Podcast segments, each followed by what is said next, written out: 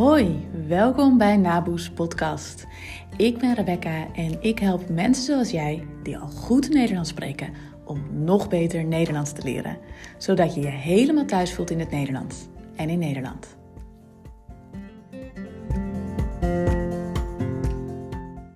Hallo, wat leuk dat je luistert naar deze nieuwe aflevering van Naboes Nederlandse podcast.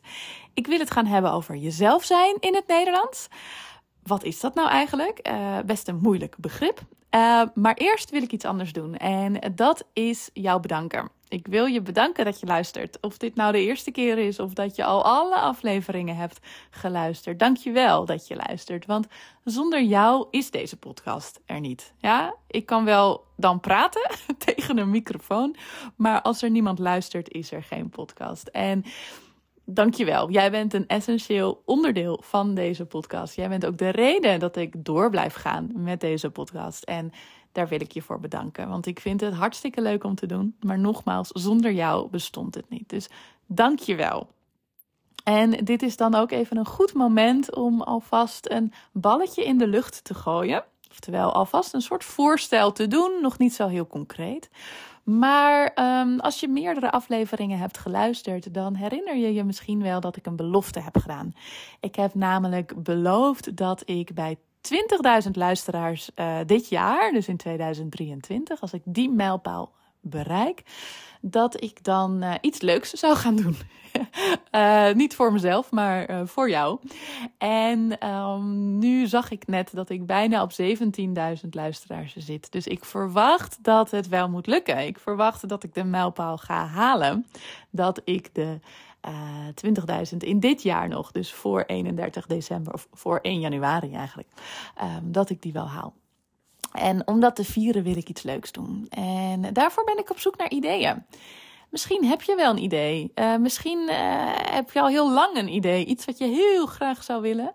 Uh, wat je heel leuk zou vinden als ik dat zou gaan doen. Dan, dan hoor ik het heel graag. En waar ik nu zelf een beetje aan het denken ben, is um, ja, een soort post podcast training of een podcastreeks. Dus bijvoorbeeld een week lang elke dag een podcast over een bepaald onderwerp.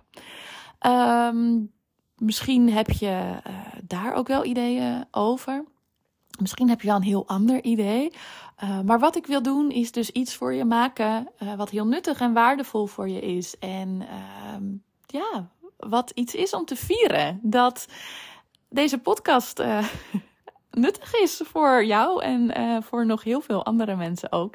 En dat ik op deze manier mijn kennis en motivatie en aanmoediging uh, kan verspreiden. En uh, dat daardoor ook uh, nou ja, de Nederlandse wereld hopelijk een beetje beter en mooier voor je wordt. Nou grote woorden is wel echt mijn ambitie. Um, maar even terug naar het wat concretere. Als jij een idee hebt over hoe ik kan gaan vieren dat. Um, mijn podcast die ik uh, begin dit jaar ben begonnen, uh, de mijlpaal van 20.000 luisteraars heeft bereikt, dan uh, hoor ik het graag. Je kunt me via Instagram een DM sturen of je kunt me een e-mail sturen. Allebei zal ik in de show notes hieronder zetten. Tot zover mijn oproep voor ideeën. Dan gaan we nu naar het echte onderwerp van deze aflevering. En dat is jezelf zijn in het Nederlands. Nou, ik zal gelijk even eerlijk bekennen dat dit de achtste keer is dat ik deze opname start. Omdat ik een beetje een deadline voel. Ik moet namelijk zometeen ergens naartoe en ik wil ook heel graag nog een podcast opnemen. Nou, die druk zorgt ervoor dat ik me veel minder ontspannen voel. En dat ik voor mijn gevoel helemaal niet mezelf kan zijn in deze podcastaflevering. Ik zit eigenlijk met mijn gedachten de hele tijd bij de klok en ik zit alleen maar te denken: het moet nu goed gaan, het moet nu goed gaan, het moet nu goed gaan. En je raadt het al, daardoor gaat het niet goed. Dit is mijn laatste poging om het te doen voor mijn afspraak. Dus als je dit hoort, dan is het me uiteindelijk wel gelukt. um, maar het mooie is dat we hiermee wel tot een soort uh, belangrijk punt komen, denk ik, rondom jezelf zijn in het Nederlands.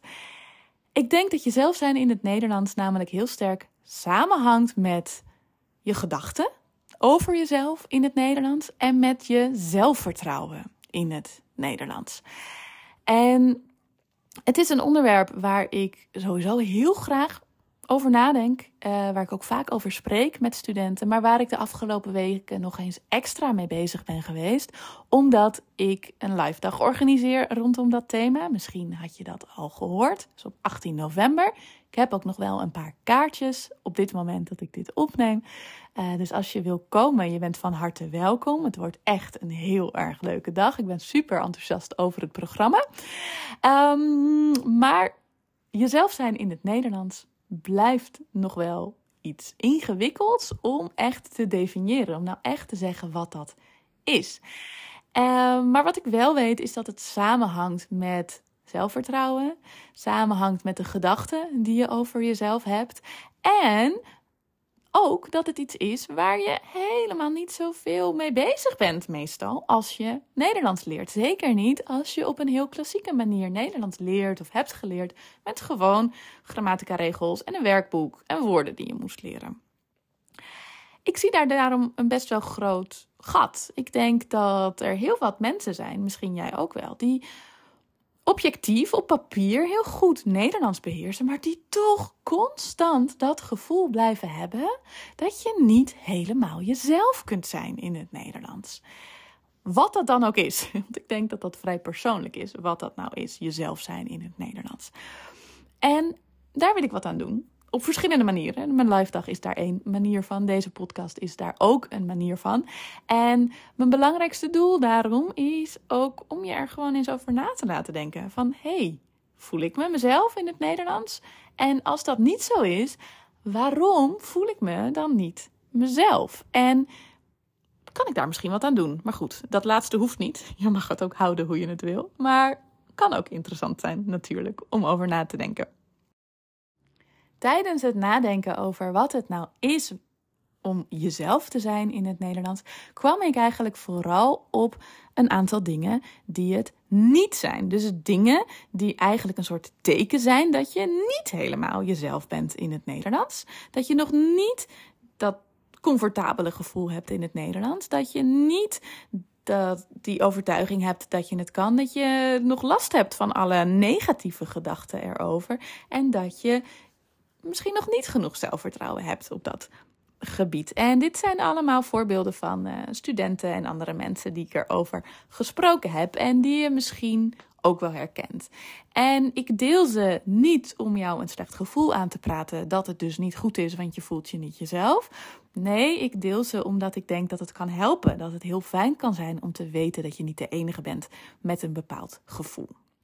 En uiteraard ben ik ook heel benieuwd naar jouw eigen toevoegingen. Misschien heb je zelf ook wel voorbeelden van uh, dingen die, uh, waaraan jij zelf merkt dat je niet helemaal jezelf bent in het Nederlands of niet in elke situatie.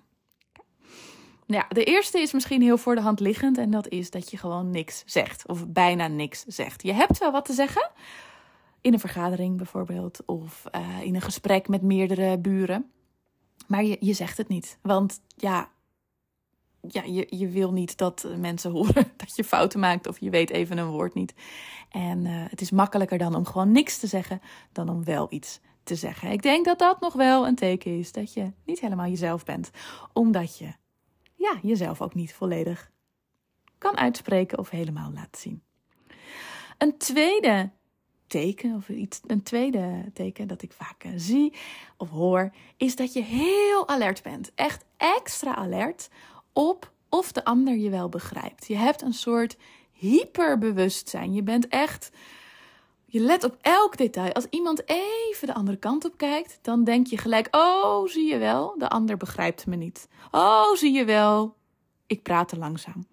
Terwijl er natuurlijk duizenden redenen kunnen zijn waarom iemand even een andere kant op kijkt.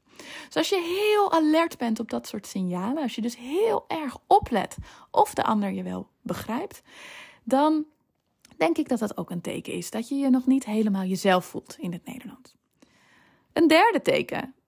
Na elk gesprek voer je dat gesprek nog eens tien keer in je hoofd. En elke keer uh, denk je, oh, het ging zo slecht. en elke keer gaat het in je hoofd beter dan het in het echt ging.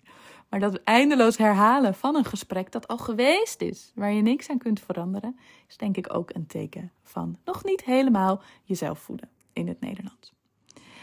Een vierde teken, wat groter, is dat je de dingen die je wil doen, of waarvan je weet dat ze goed zijn om te doen, niet doet. En dit kan van alles zijn. Dit kan um, zijn dat je uh, iets wat je nu. Uh, nou, bijvoorbeeld, uh, ik weet niet, misschien uh, zing je wel heel graag en heb je dat altijd gedaan, maar durf je niet bij een koor om met een groep te gaan zingen. Of misschien werk je wel of heb je een bepaalde passie of wil je ergens over vertellen en doe je dat ook of schrijf je daar ook over, maar doe je dat alleen maar in je moedertaal en niet in het Nederlands. Um, terwijl dat wel iets is wat bij jou hoort, wat zo met je verbonden is, een onderwerp wat je zo interessant vindt. Dat soort dingen, als dat zo is, dan nou, voel je je misschien ook nog niet helemaal op je gemak in het Nederlands. En een vijfde teken is als je de schuld eigenlijk altijd bij jezelf legt. En dan heb ik het over de schuld, tussen aanhalingstekens, dat uh, er een misverstand is. Of dat je elkaar niet zo goed begrijpt. Dat je, of uh, ja, dat een gesprek niet zo makkelijk loopt. Dat je daarbij eigenlijk voor 100% denkt dat het aan jou ligt. Omdat jij de taal niet goed spreekt. Terwijl er natuurlijk heel veel redenen kunnen zijn waarom er een misverstand is en waarom een gesprek niet zo makkelijk loopt. Die andere persoon kan bijvoorbeeld echt super moe zijn omdat hij vijf keer wakker is geworden van zijn baby of zo. Um, of omdat hij gisteren heeft gehoord dat hij zijn baan is verloren. Ja, er kunnen allerlei redenen zijn waarom iemand er met zijn gedachten niet bij is en waarom een gesprek niet lekker loopt. Of uh, waar, waarom iemand vergeten is om de goede afspraak op te schrijven, terwijl jij het wel goed had uitgelegd dat het tijdstip veranderd was. Nog maar een voorbeeld van een misverstand. Maar ik denk dat het goed is hoor. Om ook even bij jezelf te denken van... hey, heb ik misschien wat uh, verkeerd gedaan? Het is ook niet mijn bedoeling om te zeggen dat het altijd de schuld is van de andere mensen. Maar als je echt altijd voor 100% denkt dat het door jou komt... en door jouw Nederlands komt... dan is dat denk ik toch ook wel een teken van iets minder vertrouwen in jezelf en in het Nederlands. En ja, een, een uh, teken dat je nog niet helemaal jezelf bent in het Nederlands. Dat waren ze. Vijf voorbeelden van uh, ja, gedrag of gedachten of andere dingen. Die, wat mij betreft, laten zien dat je je nog niet helemaal jezelf voelt in het Nederlands.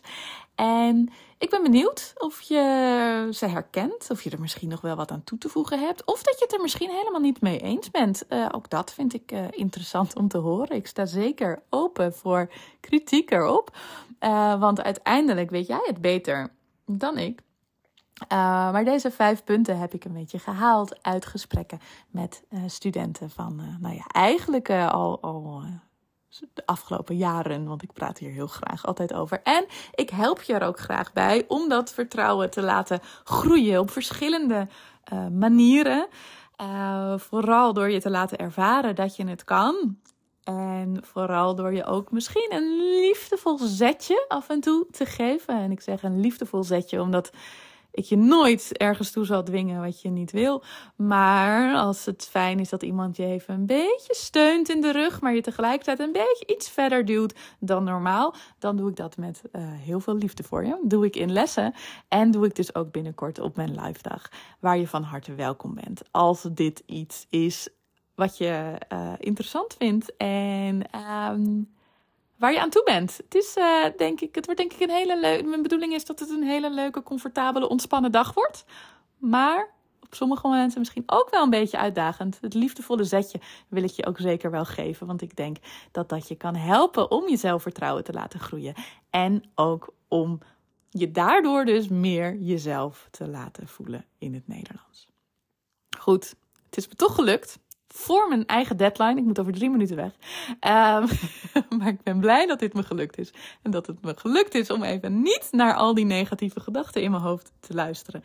En ik hoop dat dat jou ook lukt. Soms lukt uh, als je Nederlands praat en er weer eens een stemmetje in je hoofd is dat zegt dat je dat niet kan.